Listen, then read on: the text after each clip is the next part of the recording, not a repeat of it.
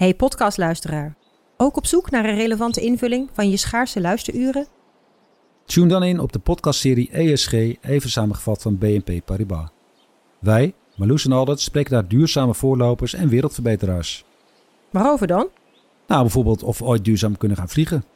En waarom koeien in de stad nou een goed idee is? Dat en meer elke twee weken in een nieuwe aflevering. Dus abonneer je. ESG, even samengevat.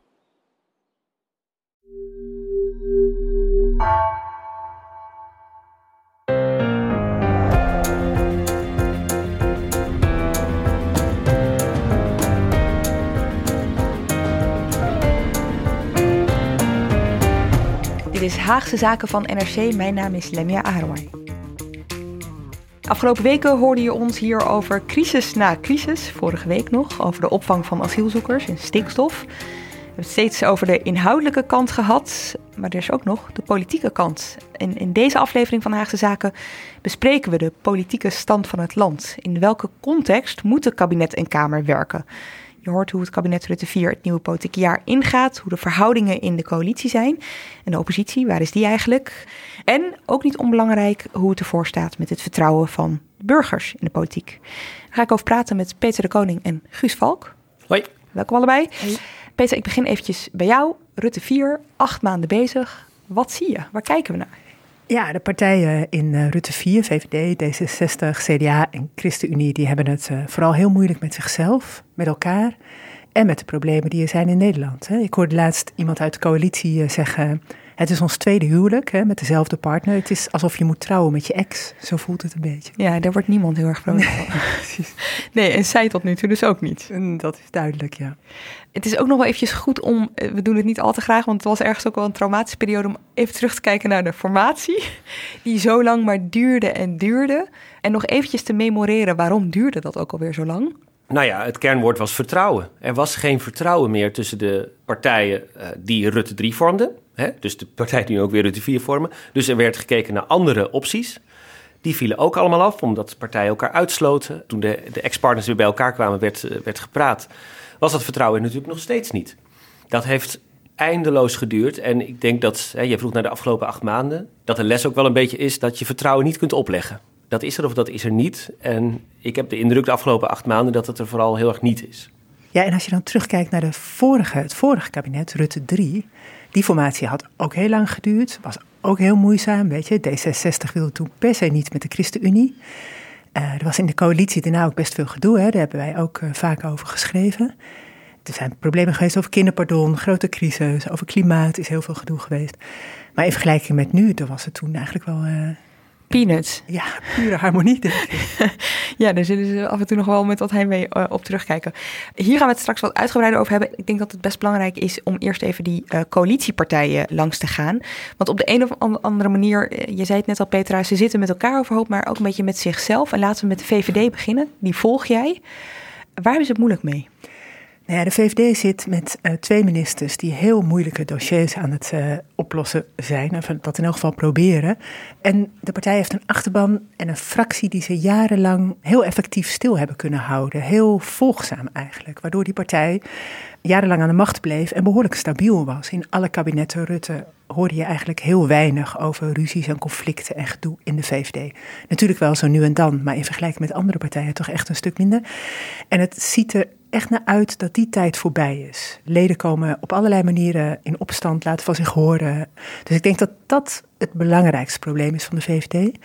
En verder zitten we natuurlijk met de stikstofplannen. Mm -hmm. uh, de VVD heeft niet een enorm grote boerenachterban, maar wel veel ondernemers die van de agrarische sector afhankelijk zijn.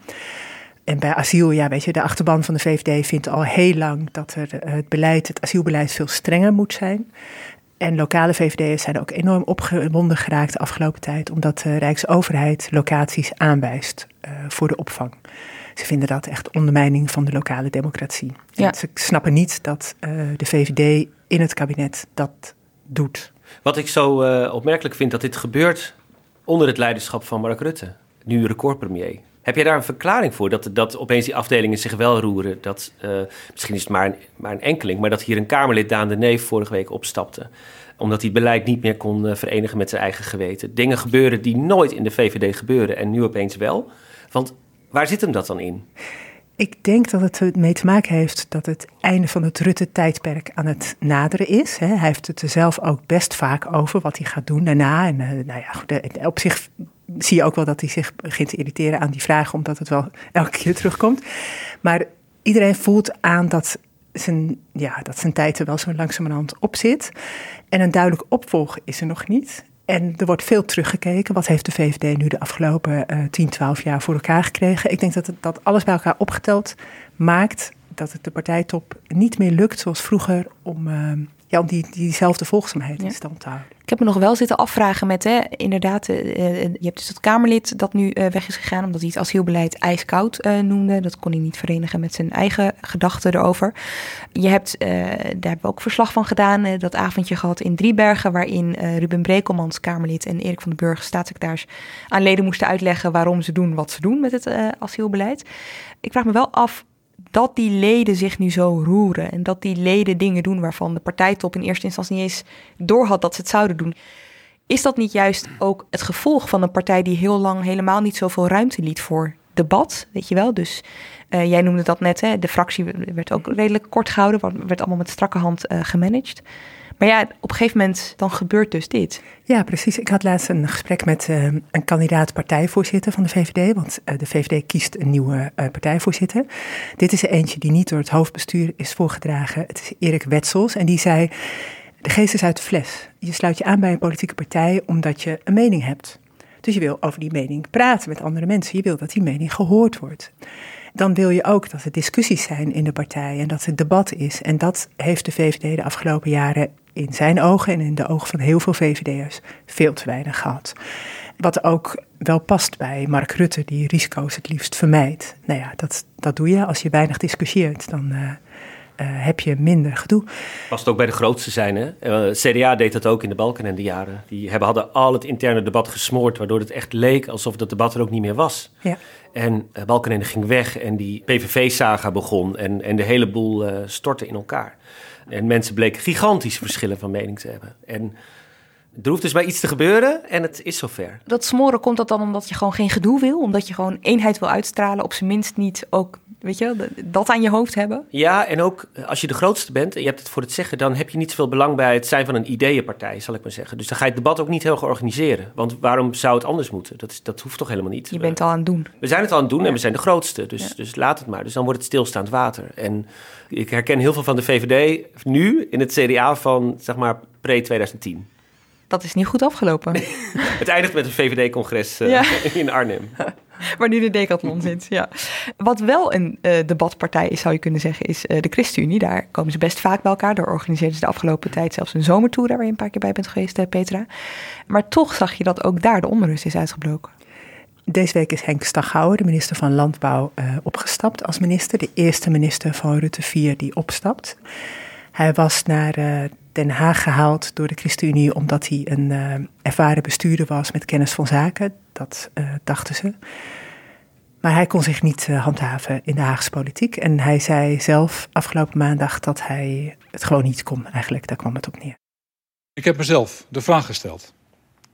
Ben ik de juiste persoon om als minister van Landbouw, Natuur en Visserij, voedselkwaliteit, leiding te geven aan de opgaven die er liggen.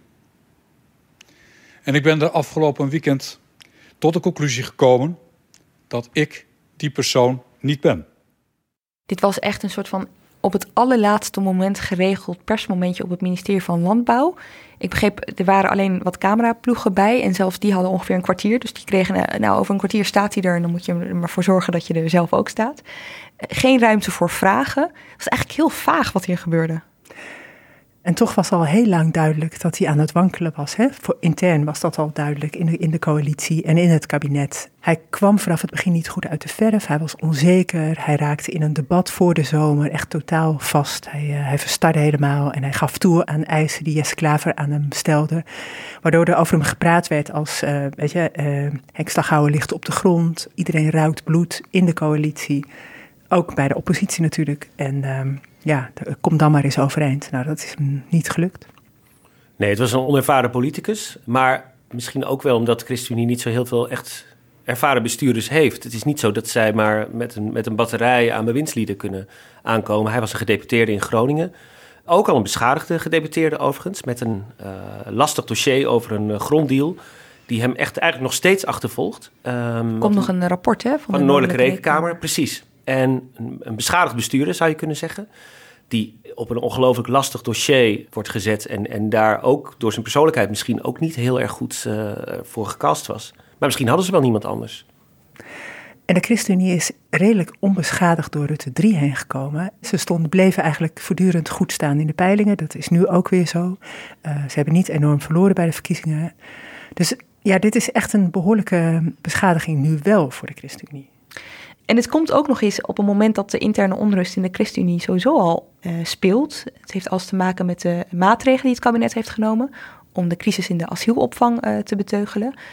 Wat je meteen zag, die werd op vrijdag aangekondigd en die zaterdag was er al meteen een brief waar steeds meer ChristenUnie-leden hun handtekening onder zetten. En die best wel keihard was eigenlijk. Ja, bij de ChristenUnie ligt dit enorm gevoelig. Dat was ook al in Rutte 3 als het over het kinderpardon ging die deal over het uitstellen van gezinshereniging, daar wil het grootste deel van de achterban niet aan. Er is ook wel veel discussie over bij de ChristenUnie. Je hebt ook wel een deel dat vindt dat het wat, uh, wat rechtser en wat steviger kan. Maar die bepalen niet de toon. nee, die zijn echt minder vocaal. Ja, zeker. Hier krijgen ze nog een hele avond over. Ze moeten aan de leden gaan uitleggen waarom ze dit doen, de partijtop.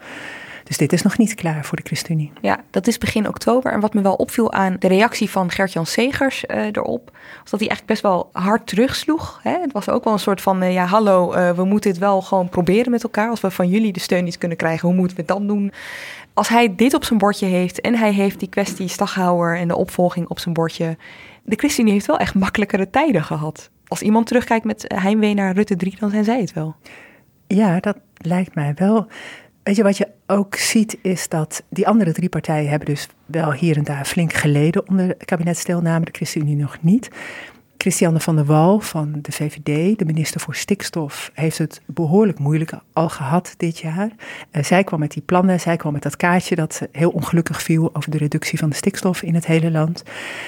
En dat Staghouwer daarna zo ongemakkelijk uh, optrad in de Tweede Kamer en zoveel kritiek naar zich heen trok, dat haalde ook wel Christiane van der Wal uit de wind. Dus ik kan me heel goed voorstellen dat ze bij de ChristenUnie ook denken van dat hij ook in de coalitie het heel moeilijk heeft gekregen, Staghouwer. Misschien, weet je, dat speelt dan ook een rol van uh, laat, uh, laat nu de ChristenUnie maar eens het moeilijk hebben. Ja. Dat, weet je, dat is niet de belangrijkste reden. Hij, heeft het, hij kon het gewoon niet aan. Maar dat zijn allemaal dingen die ook onderling meespelen en ook aangeven dat het echt niet lekker loopt daar in de coalitie van uh, Rutte 4. Zullen we het dan maar hebben over de partij waarvan andere coalitiepartijen zeggen dat is de reden dat het nu even niet zo lekker gaat en dat is het CDA. Ja, precies. De partij die Rutte er per se bij wilde hebben, in uh, Rutte 4 weer. Dat is eigenlijk wel een soort van ironisch, omdat dat nu juist de grote onruststoker is. Nou ja, dat interview van Wopke Hoekstra, de partijleider in het AD, uh, is al eerder hier besproken. Ook de onrust die dat veroorzaakte in de coalitie. Het is een partij die het intern ongelooflijk lastig heeft. Omdat wat ze normaal sterk maakt in een coalitie is gewoon, vaak als grootste of als grote partij, is dat ze zo stabiel zijn en medegeren. Dat is hun uh, unique selling point. En juist dat is niet voldoende, lijkt nu. Want in de peilingen doen ze het ongelooflijk slecht. De boer-burgerbeweging is aan het opkomen. Onduidelijk is wat er met Pieter Omtzigt uh, gaat gebeuren. Misschien gaat hij wel meedoen aan de provinciale statenverkiezingen. Dikke kans. Nou, wat gaat er dan gebeuren? Dus ze voelen heel erg aan dat het CDA gigantisch zal gaan verliezen. En dat niks doen geen optie is. Dus er moet iets gebeuren. Op die manier zijn de, de bokkensprongen van Wopke Hoekstra ook wel te verklaren. Hij had duidelijk geen zin om een impopulair standpunt in de achterban, uh, die stikstofreductie uh, halen in 2030, om dat te gaan verdedigen. Nee, hij ging er tegenin en verklaarde het niet heilig. Nou is dat een beetje een glibberige formulering, maar duidelijk voor de achterban was, wij gaan er tegenin. Dus zo zie je een partij onder druk een leider onder druk. Want het leiderschap van Hoekstra staat eigenlijk ook permanent uh, ter discussie in het CDA. En daarmee een voortdurende bron van onrust. Want in de coalitie zien ze dit natuurlijk als een. Ja, dat is natuurlijk een vorm van verraad als je het heel erg wil, uh, wil stellen. Dus wat hebben ze nog aan Wopke Hoekstra? Wat hebben ze nog aan zijn woord? Wat hebben ze nog aan zijn belofte? Zijn CDA staat onder het coalitieakkoord. Dus, ja. dus daar zit denk ik um, de, de, de, de grote pijn van dit moment. En wat ook natuurlijk wel meespeelt bij die coalitiepartijen, is dat ze ook wel snappen dat ze gunnen het CDA natuurlijk ook niet een heel slecht resultaat straks in uh, maart volgend jaar. Want wat als het CDA straks helemaal is weggevaagd? Dat ze in provincies gewoon helemaal niet meer in de Staten zitten. Dat ze in de Eerste Kamer er bijna niet meer zijn. Wat heb je dan nog aan ze? Ja, dus eigenlijk een soort van bijna derde huwelijk van die ex-partners. Hè? Echt serieus, omdat ze elkaar dus in de Eerste Kamer ook echt nodig hebben om hun plannen um, door te kunnen voeren. Of in ieder geval zo dicht mogelijk tegen de meerderheid aanzitten om uh, nog iets te kunnen doen. Ja, dus misschien moeten ze uh, het CDA dus wel die, die, die rol van buitenboordmotor, of hoe je het maar wil noemen, uh, gunnen. Om te ja. voorkomen dat het helemaal misgaat. En wat denk jij, Lemia, is dit één keer van Hoekstra? Of gaan we dit soort dingen nu vaker zien bij het CDA? Nou ja, dat AD-interview, daar zijn ze zelf ook wel een klein beetje van geschrokken, heb ik de indruk af en toe. Je, hoort ook van, nou, eh, zo hoog zullen we denk ik niet meer laten oplopen. Maar vaker laten zien dat zij niet per se hetzelfde denken als de rest van de coalitie, dat hebben ze zichzelf heel duidelijk voorgenomen. Nou is dat niet voor het eerst onder Buma eh, in het eerste kabinet waar het CDA eh, aan meedeed, terwijl Buma CDA-leider was. Ik zat terug te lezen, was dat ook al zo? Weet je, schreven wij ook al verhalen waarin Buma zich voornam om het CDA te blijven profileren, ook al maakte hij onder uit van het kabinet. Iedere partij is daar op zijn eigen manier mee bezig. Alleen het verschil is dat het bij het CDA, en die indruk krijg ik echt heel sterk, dat het wel een soort van, zonder het al te zwaar aan te willen zetten, maar dat het uh, of dit of niks is. Dus ze hebben daar heel goed door. Als we nu niet iets groots en meeslepends doen om onze kiezers terug te krijgen, dan zijn we het ook echt kwijt. En op de een of andere manier, daar hangt een risico aan. Het CDA als partij die een risico vormt voor die andere partijen.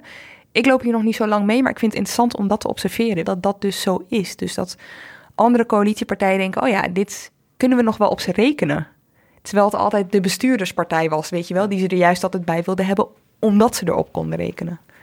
Het voortbestaan van het CDA heeft nooit eerder zo op het spel gestaan, denk ik. Hè? Als, nee, als nooit. Nee. nee. En jij hebt ook gezien op avondjes hoe ze tegen Hoekstra aankijken, toch?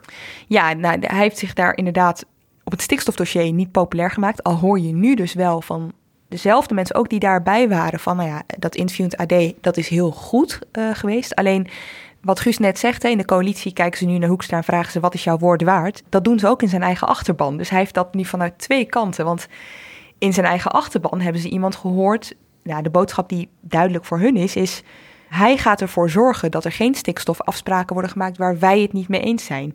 Dus al kunnen ze in Den Haag, weet je wel, proberen ze eh, ons te wijzen op dat hij heeft gezegd: het is niet heilig. Hij heeft niet gezegd: het mag absoluut niet 2030 zijn, weet je wel. Dus die kant, dat, dat horen wij dan hier in Den Haag. Maar reken er maar op dat in zijn achterban hij echt hele hoge verwachtingen heeft geschapen. Ik ben heel benieuwd als Remke straks komt met zijn bevindingen, dan moet hij gaan kiezen. En daar heeft hij zichzelf in gemanoeuvreerd. Best een lastige positie eigenlijk. Ja, Klein eh, terzijde, Lemmy en ik waren gisteren bij een eh, burgemeester in Zuidoost-Brabant en spraken er ook een statenlid van het CDA. Zij gaan er gewoon helemaal vanuit dat woord is woord. Hoekstra gaat niet meer toegeven op dit onderwerp. Dit gaat hij gewoon binnenhalen. Zij en... gaat binnenhalen dat 2030 uit de plannen gaat ja. verdwijnen. Ja, 100 procent. Ja. Wauw, ja. Zo hebben ze dat uh, in ieder geval gehoord of begrepen. Ja. Ook bij één, één graadje minder zullen ze niet accepteren. Nee. En ze zijn er ook echt vol overtuiging, weet je, van nee, dat heeft hij gewoon gezegd. Dat gaat, dus dat vind ik grappig om dan naast het Haagse te leggen, zeg maar. Waar je dus inderdaad wordt van nee, hij heeft niet heilig gezegd. Nee, en dit, dit geitenpaadje. Nou, niet bij zijn eigen achterban. Het wordt echt ontzettend lastig. Dus ja, het CDA als risicofactor om de komende tijd te gaan uh, volgen is voor mij een nieuw iets. Maar volgens mij is het überhaupt ook voor iedereen hier een nieuw iets. Ja, het is uniek. Ja. ja. Nou ja, dan gaan we naar de vierde partij die in de vorige kabinetsperiode werd gezien als risicofactor. En dat is D66. Ja, want die hebben ook zo'n periode gehad, hè, dat ze uh, zich in de zomer hadden voorgenomen, in de fractiedagen in de zomer. We, moeten, we, vallen te weinig op, we moeten wat doen, uh, we dalen in de peilingen. We gaan gewoon ervoor zorgen dat we elke week in het nieuws zijn, opvallen weet je nog? Dat was zo rond 2019, denk ik, toch? Toen het echt even heel slecht ging. Het ging slecht en toen had je, op een gegeven moment ging Tjeerd de Groot in, in een interview, ook weer in het AD trouwens, uh, zeggen dat de uh, veestapel gehalveerd moest worden. En toen waren ze het echt zat bij die andere coalitiepartijen. Ja, dat was ook het begin van een enorme woedegolf bij de boeren natuurlijk. Ja, dat klopt. Dus en, en toen inderdaad, toen bestond het coalitieoverleg nog. En toen, ja, dat was vaak uh, D66 aanspreken van, jongens, nu moeten jullie echt ophouden. Maar hun rol nu is natuurlijk een heel andere. Uh, ze kwamen als uh, nou, zelfbenoemde winnaar uit de verkiezingen. Ze hebben natuurlijk ook goed gedaan, daar niet van, maar natuurlijk niet grootste geworden. na het sluiten van het coalitieakkoord was toch wel de gedeelde mening hier. Maar hè, als je ook gewoon keek naar de grote projecten, de grote plannen van Rutte 4, dat D66 gewoon heel erg veel had binnengehaald. Heel erg goed had onderhandeld. En zeker als je kijkt naar waar ze echt op inzetten, als je naar de miljarden kijkt, dus uh, klimaatbeleid met name. En natuurlijk de grote uh, stikstofreductie die eraan komt. Dat zijn dingen die D66 heel erg graag wilde en heeft gekregen. Het grappige is nu, hè, we hebben het over, je het over de verschillende rollen van het CDA, maar eigenlijk is D66 nu op dit moment de bestuurderspartij die de andere partijen steeds aan het coalitieakkoord moet houden. Van ho ho, even, even bij de letter blijven mensen. En dat speelde natuurlijk ook in het stikstofdebat heel erg een rol. Waar D66 natuurlijk blij was dat ze dit binnen hadden gehaald. En vervolgens gaat Hoekstra toch een beetje marchanderen. Uh, gebeuren er dingen niet? Hadden ze het gevoel dat Staghouwer toch te veel onder de plak van boerenorganisaties en ook zijn eigen ministerie lag. Dus zagen ze het ook heel erg als hun taak om het coalitieakkoord uit te leggen de hele tijd. Ja. Dus eigenlijk zijn zij een beetje nu de, de cultuurdrager geworden. Ja, dat bevestigt bij die achterbannen van die andere partijen natuurlijk ook dat D66 inderdaad gewonnen heeft bij die onderhandelingen. Een heel sterk, uh, zichzelf versterkend uh, ja. uh, frame wat dat betreft. Ja, ja, klopt. Gedoe met zichzelf is natuurlijk één. Gedoe met elkaar, dat is eigenlijk iets wat gewenst werd door premier Rutte. Ik wil dat die debatten weer plaatsvinden in het politieke midden. Daarvoor is noodzakelijk de grote maatschappelijke tegenstellingen tussen CDA en VVD, tussen D66 en GroenLinks, tussen Partij van de Arbeid en ChristenUnie. Dat die grote maatschappelijke tegenstellingen zichtbaar worden, die standpunten van die partijen. En ik erken dat ook mijn manier van besturen eerder heeft bijgedragen dan heeft afgedaan aan het meer toedekken van die verschillen. Waardoor het lijkt alsof je alleen een soort brede soep in het midden hebt en nog de flanken van SP en PVV. En dat is niet goed. Rutte beloofde toen een nieuwe bestuurscultuur. Want de oude bestuurscultuur was kapot. Dat was duidelijk. En uh, een van de voorstellen die hij had, een van de, radicale nieuwe ideeën, was dat politiek conflict, ook in het politieke midden, niet langer uitgepoetst moest worden en, en in achterkamertjes besproken, maar dat het openlijk uitgevochten zou worden. Een beetje zoals in de jaren zeventig. Daar had hij als historicus dan een heel romantisch beeld bij. Maar het grappige is natuurlijk dat hij dat wel zei, maar dat waarschijnlijk helemaal niet eens zozeer wilde. Want Rutte is, nou dat weet Petra veel beter dan ik, maar wekt sterk de indruk van een control freak. Ja, enorm risicomijdend natuurlijk. Dus uh, ja, ja. Nee, dat, en het blijkt nu toch ook zo te zijn dat het, uh, het, het als partijen dit doen, dan mondt het uit in een crisissfeer. En, en denken we dat het kabinet gaat vallen. En staat het ook wel opvallen, weet je? Dat zag je de afgelopen weken wel degelijk. Dus misschien moeten ze het coalitieoverleg op maandag weer introduceren. Nou ja, maar dat is natuurlijk wel echt veranderd. Dat, ja. dat het, het achterkamertjesoverleg inderdaad minder is geworden. Afgelopen, uh, in de afgelopen periode. Dus ja. de fractievoorzitters bijvoorbeeld spreken elkaar volgens mij veel minder dan de fractievoorzitters ja. van Rutte 3. Nou, de fractievoorzitters komen wel elke week na de stemmingen komen ze bij elkaar op dinsdagmiddag in de, in de kamer van uh, Sofie Hermans. Dus de fractievoorzitters zien elkaar wel elke week en was misschien ook wel vaker. Maar inderdaad, dat hele clubje bij elkaar met de vicepremiers en Rutte zelf, zo, dat ze elke week de, op maandag de beslissingen voor de hele week al zo'n beetje namen. En de ministerraad op vrijdag kon tekenen bij het kruisje. Dat is niet meer zo. Oké, dus zij zijn bezig met uh, uh, zichzelf, ze zijn bezig met elkaar. Uh, op de achtergrond, of eigenlijk op de voorgrond, volgen de crisis elkaar op.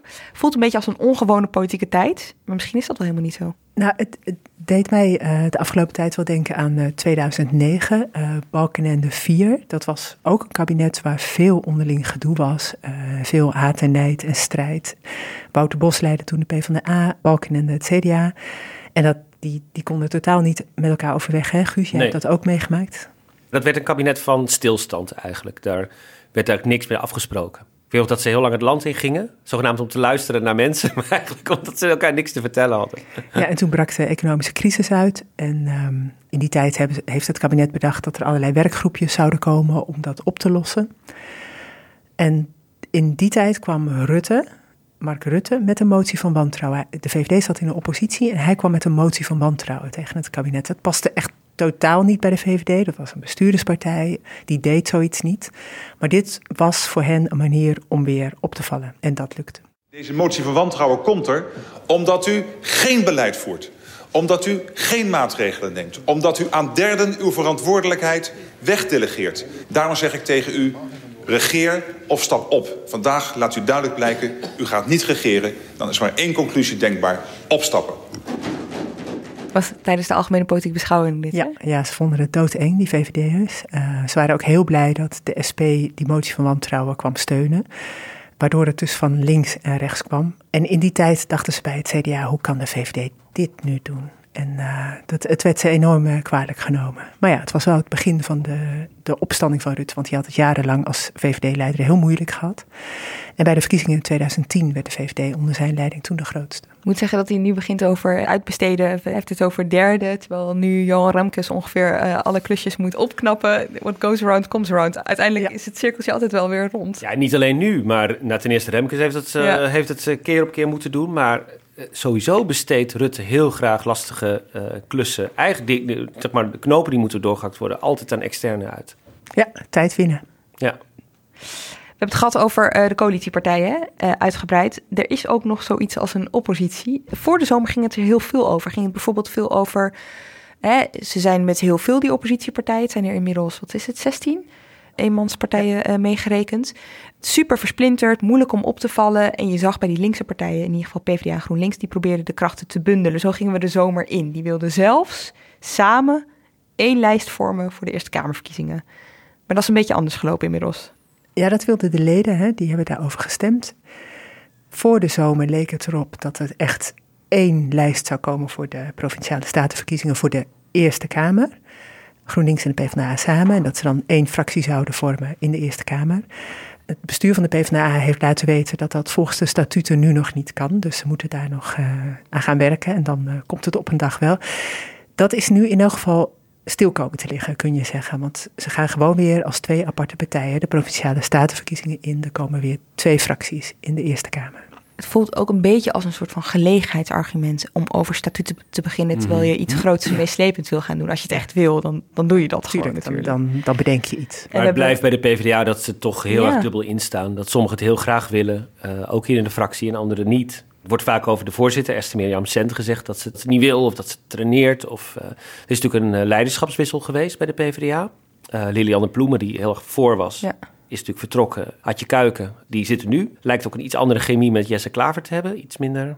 Is in de Kamer minder, wel uh, echt zichtbaar, hè? Je zag uh, hartelijk misschien. Ja. Bloemen en Klaver deden zo'n beetje alles samen in de Kamer. Je zag ze ook uh, regelmatig door de Kamer lopen. Als ze interrupties ja. deden, dan was dat inhoudelijk, vulde het elkaar aan. Was het ook vlak na elkaar zo. Dat is weg nu. Ook bij grote debatten zie je dat Klaver en Kuiken weinig communiceren met elkaar. Ze hangen weinig bij elkaar over de bankjes, weet je wel. En ook hun interrupties zijn wat, uh, hoe noem je dat, soevereiner zou ik bijna willen zeggen. Weet je wel, ze zijn wat meer eigen in plaats van dat het op elkaar afgestemd lijkt te zijn. Ja. Terwijl die fracties echt nog wel veel samen doen. Dus de Kamerleden. Nee, dat is zeker waar. En er worden ook wel weer wat overlegjes georganiseerd hè, met uh, linkse oppositiepartijen. Die zoeken elkaar weer op om uh, in de aanloop naar Prinsjesdag samen te werken in de plenaire zaal. Dus dat zie je wel, dat gebeurt. En dan heb je het ook over de brede linkse partijen. Want ja, ook daar niet alleen PvdA GroenLinks, ja. maar ook, uh, weet je, de SP wordt daarvoor uitgenodigd, maar komt tot nu toe steeds niet. Volt zit daar volgens mij bij, Denk, uh, Partij voor de Dieren, Sylvana Simons. Die hadden ooit samen een appgroep, hè? Ja, Eendracht maakt macht. Ja, de stille dood gestorven Nee, even. dat functioneert nog. Oké, okay. en ze gaan het nu weer samen proberen. Want die APB, Algemeen Politieke Beschouwingen, uh, in de week van, van Prinsjesdag... Kijk, we weten dat het altijd een marathonzit is waarin iedereen hè, zijn eigen verhaal probeert te vertellen. Het is ook altijd een, een wat breder verhaal. Als je het kabinet wil aanvallen op plannen en je gaat dat 16 man apart van elkaar doen.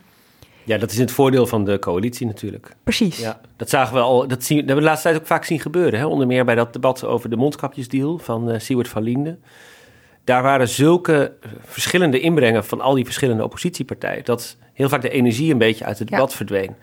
En dat, ja, dat het kabinet eigenlijk heel makkelijk daarmee wegkwam. Ja. Gewoon omdat er zoveel sprekers zijn en iedereen wil dan net weer wat anders weten. Uh, of verwijst weer naar iets totaal anders. En uh, ja, het is heel moeilijk om dan echt één uh, geluid te laten horen. Ja. Ik vind wel, het valt me op dat er, we zijn nu, uh, nou de verkiezingen zijn echt al wel, uh, wat is het, anderhalf jaar geleden, de Tweede Kamerverkiezingen, dat er nog steeds zo weinig wordt samengewerkt. Dus je ziet wel een soort van gelegenheidsbondjes ontstaan af en toe. Dat zie je bijvoorbeeld uiterst rechts. Dus je ziet wel eens Ja 21 en BBB, Van Haga, die zie je nog wel eens samen naar elkaar verwijzen in interrupties bijvoorbeeld. je ziet grappig genoeg Pieter Omtzigt met Volt op de een of andere manier ook nog wel samen optrekken. Maar ja, met weinig is nog steeds weinig, weet je wel. Dus als je een, een eenpersoonspartij en een, een tweepersoonspartij hebt, dan zijn er nog steeds maar drie zetels op 150. Dus ik ben benieuwd of het dit keer wel gaat lukken met die bredere linkse samenwerking. Dat gaan we in de uitzending van die week, van Ja. Prinsjesdag, bespreken hier. Oké, dus je hebt die eh, coalitie die ehm, veel met zichzelf bezig is. Je hebt de versplinterde oppositie die elkaar af en toe probeert op te zoeken, maar waar het ook niet altijd lukt. Gebeurt allemaal tegen het decor. Hebben we het vaak over gehad van al die crises eh, die elkaar aan het opvolgen zijn.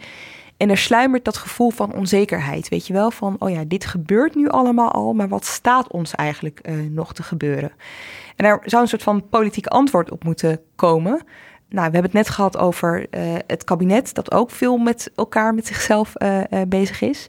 Roept een beetje de vraag op: wat wordt dit voor winter en hoe worden we erop voorbereid? Want het komt eraan, dat weten we allemaal wel. Lemmy, je pleit bijna voor een groot grand statement van Mark Rutte... waarin hij de, burgers gaat voorbereiden op een hele moeilijke winter... met hoge energierekeningen, eh, dure boodschappen, enorme inflatie. ehm, Ja, ik verwonder me erover. Ja, ja, ja, Ja. precies. Ja. Ik weet niet of ik er per se voor pleit, maar ik, ik vraag me af of het eh, gaat gebeuren, weet je wel? nou ja, je, vraagt, af- je hebt het Rutte gevraagd eigenlijk. Bij de persconferentie van de premier vroeg jij hem hiernaar. Hoe erg wordt het? Waar moeten Nederlanders zich op voorbereiden? Nou, dat, dat heeft u kunnen zien natuurlijk ook he- helaas al in eh, de, de doorrekeningen liggen. En dan zie je natuurlijk een enorm verder eh, eh, verslechtering van het koopkrachtbeeld de komende tijd. Dat is echt wel dramatisch. Dat hebben we in het naoorlogse Nederland niet of heel zelden gezien. Eh, en dat is ook de reden waarom het kabinet zich natuurlijk voor de opgave zag. En daarom ook daar meer tijd voor heeft genomen dan gebruikelijk. Om ook echt met een serieus antwoord te komen. Ik denk dat dat lukt, maar het is niet het antwoord wat het probleem helemaal weghaalt. Wat me opvalt is dat je voortdurend de bal op de stip legt eigenlijk... en hem uitnodigt om met zo'n soort verhaal alvast te komen. Eh, wat staat ons nou eigenlijk voor tijd te wachten? Eh, die onzekerheid te benoemen en zijn rol als, als leider. Maar hij lijkt dat niet, echt niet te willen. Ja, want dat, dat zijn de cijfers. Maar ik probeer eigenlijk ook meer... ehm, waar moeten mensen zich op voorbereiden? Nou ja, als het van- kabinet niks zou doen, dan, dan, dan zou natuurlijk de kinderarmoede enorm stijgen. Überhaupt de armoede enorm stijgen. Zou er een groot risico Ja, maar kunnen mensen er rekening mee houden dat ze op dezelfde voet door kunnen leven? Of moeten ze bijvoorbeeld geld opzij gaan Dit zal leggen? natuurlijk voor iedereen effect hebben, maar ik, dat kan ik niet per gezin nu precies voorspellen. Maar iedereen moet echt rekening houden natuurlijk dat in het huishoudboekje de, de energierekening natuurlijk een veel groter aandeel zal gaan vormen. Nou is natuurlijk het punt dat mensen met een hoog inkomen... Nee, hij lijkt het echt niet te willen. En wat je ziet is dat andere Europese leiders, eh, daar kwam mijn vraag eigenlijk ook wel een beetje vandaan, eh, dat die dat wel aan het doen zijn. Dus die weten, dit wordt echt een moeilijke winter. Je manier van leven, zoals dat dan heet, weet je wel, dat, daar gaat iets in veranderen. Dus we kunnen hier maar beter op voorbereiden. Ah, zoals steeds, hè, eh, hope for the best, maar prepare for the worst. En eh, ik denk dat je er moet van uitgaan dat de komende winters moeilijk gaan zijn. Als het uiteindelijk beter is, dan we, is het toch al goed dat we voorbereid erop waren. Dit was eh, de Croo van eh, België. Eh, Macron bijvoorbeeld van Frankrijk heeft het ook gedaan. Je crois pour ma part que ce que nous sommes en train de vivre est plutôt de l'ordre d'une grande bascule ou d'un grand bouleversement.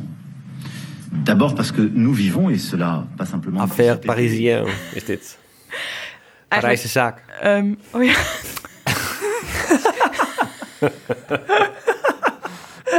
Ehm, Nee, nee, het duurde even. Nou ja, Macron eh, waarschuwt de Fransen dat de tijd van overvloed voorbij is. En dat er eh, echt andere eh, zware tijden aanbreken.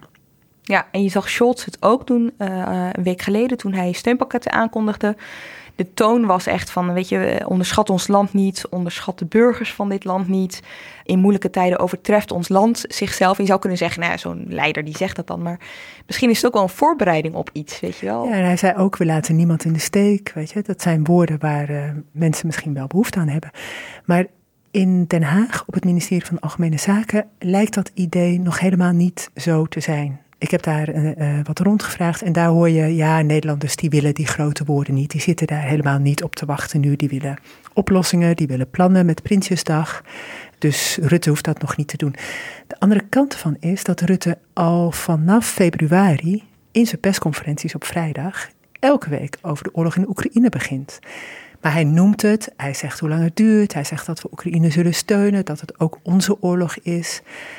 Maar dat komt op een of andere manier nooit, nooit over. Weet je, dat wordt niet overgenomen, dat haalt geen eh, nieuwsuitzending. Dat, ehm, dus dat doet hij nog niet kennelijk heel bewust met het doel dat wij het ook allemaal horen. Nee, hij heeft het eigenlijk steeds over de oorzaak van hè, alle ellende die ons ook nog te wachten staat, zonder dat verband te leggen van Ja, één keer deed hij het wel en toen was het uh, de inleiding op heel ander nieuws. Dat ging toen over het uh, kandidaat-lidmaatschap van de Europese Unie.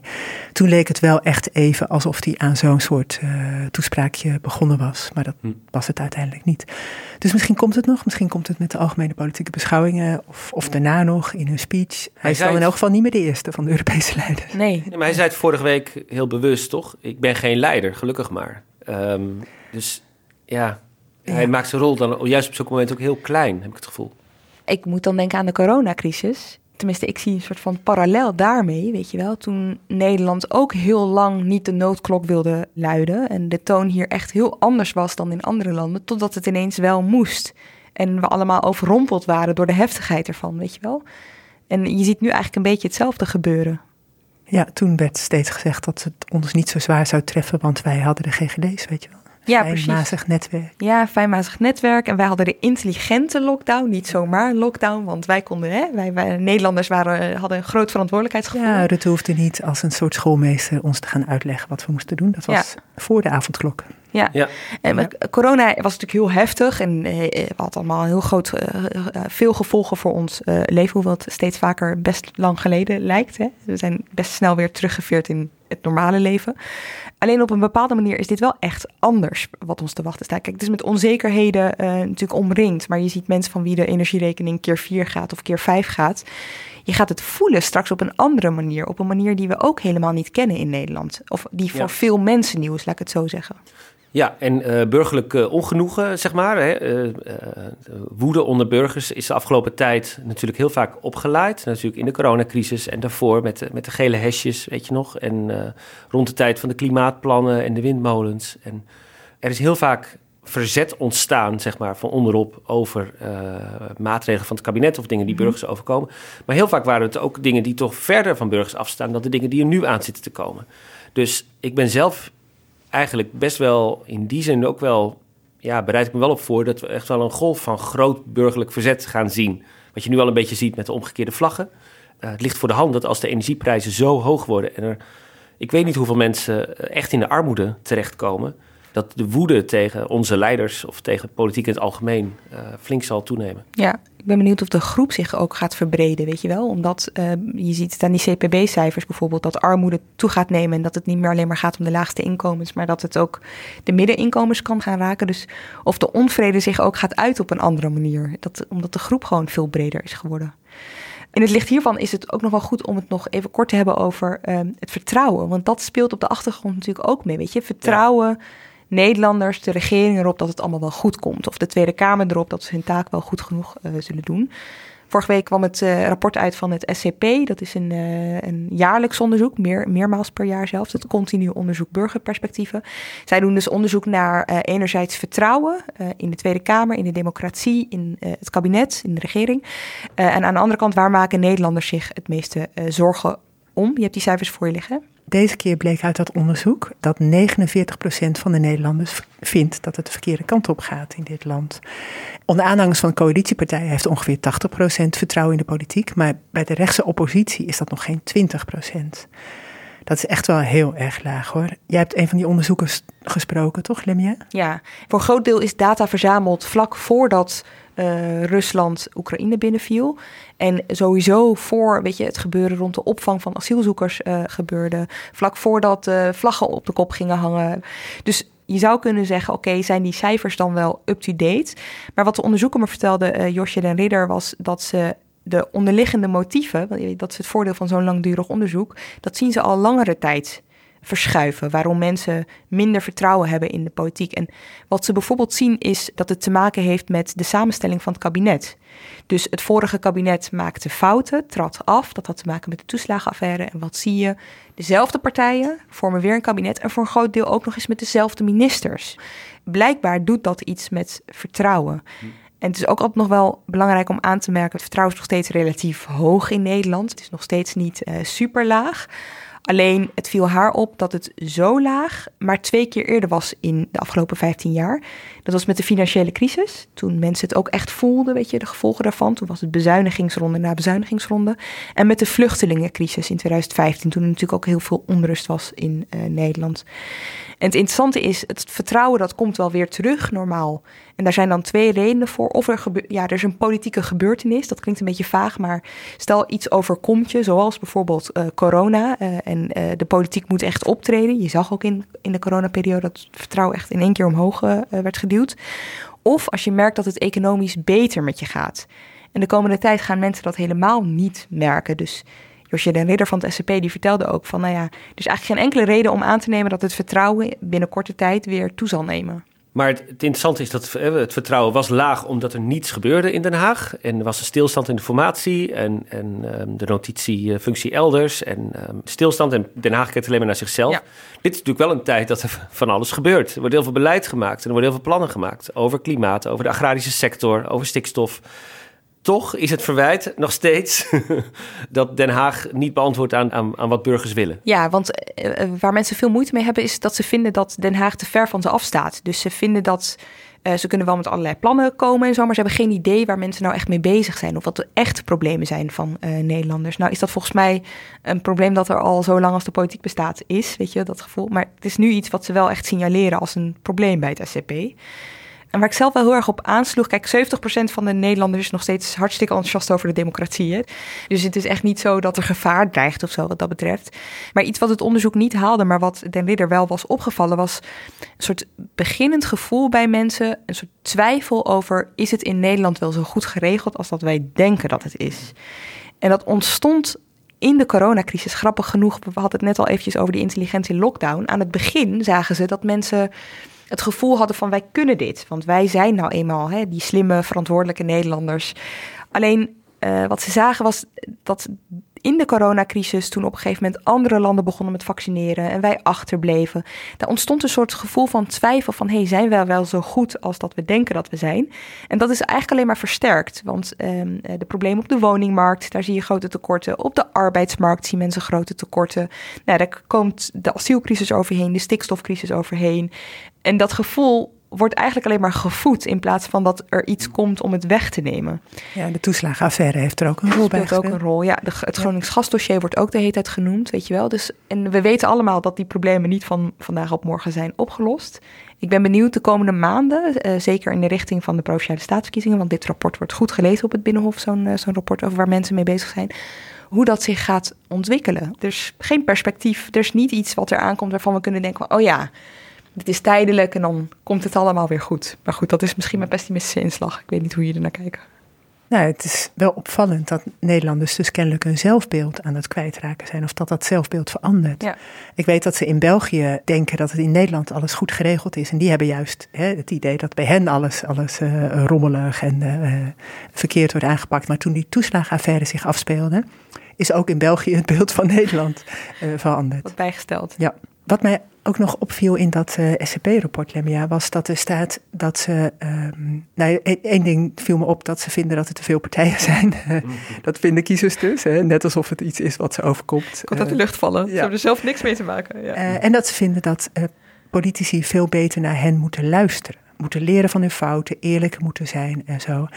En ik hoorde dat op de ministeries dat heel goed gelezen is. Dat ze echt denken van, hé, hey, wat, wat doen we fout? Hoe kunnen we dit beter doen? Dus SCP heeft absoluut invloed met zo'n onderzoek. Maar ze zien het eh, ook op de ministeries en ook in de top van partijen wel als positief dat mensen in elk geval nog vertrouwen hebben in het functioneren van de democratie. Dat is nog niet onderuit gehaald, dus er zijn nog uh, kansen. Maar als je ziet, hè, je ziet, je ziet dit wantrouwen, je ziet dat eh, partijen dat ook, dat ook zien en daar zich zorgen over maken. Dat, dat achterbannen zich zo fel roeren nu bij de coalitiepartijen. En dan moet het najaar nog beginnen eigenlijk dan kun je toch niet anders dan concluderen dat dit gewoon heel erg moeilijk gaat worden voor de T4 om het überhaupt vol te houden tot, tot de staatsverkiezingen. Dus wat denk jij? Nou ja, ik zie niet, uh, niet meteen de directe bananenschil, maar, maar het, het kan natuurlijk heel goed zijn dat dit kabinet het gewoon niet gaat halen. Maar kun je een kabinetscrisis hebben in zo'n tijd, als er zoveel dreigt en mensen zich zo onzeker voelen? Ik bedoel, kun je dat, Vraag maar kun je dat uit... Hoekstra, Ja, nee, maar kun je dat uitleggen aan kiezers als, als je zoiets veroorzaakt? Nee, nee, dat denk ik niet. Alleen, eh, het is meer dat je ziet dat de druk en, eh, zo groot is, Ja. de onzekerheden zo groot zijn. Het is in ieder geval iets om op te letten tijdens de politieke beschouwingen van over eh, twee weken. Dus gaan partijen de verschillen opzoeken, dus ook de coalitiepartijen? Of gaan ze er juist voor kiezen om eh, kiezers wat meer gerust te stellen? Daar gaan we op letten. Dank jullie wel. Peter de Koning en Guus Valk. Dank ook voor het luisteren. Redactie en productie van deze aflevering waren in handen van Ruben Pest en Iris Verhulstonk. Montage door Pieter Bakker. En volgende week zijn we er weer heel graag. Tot dan.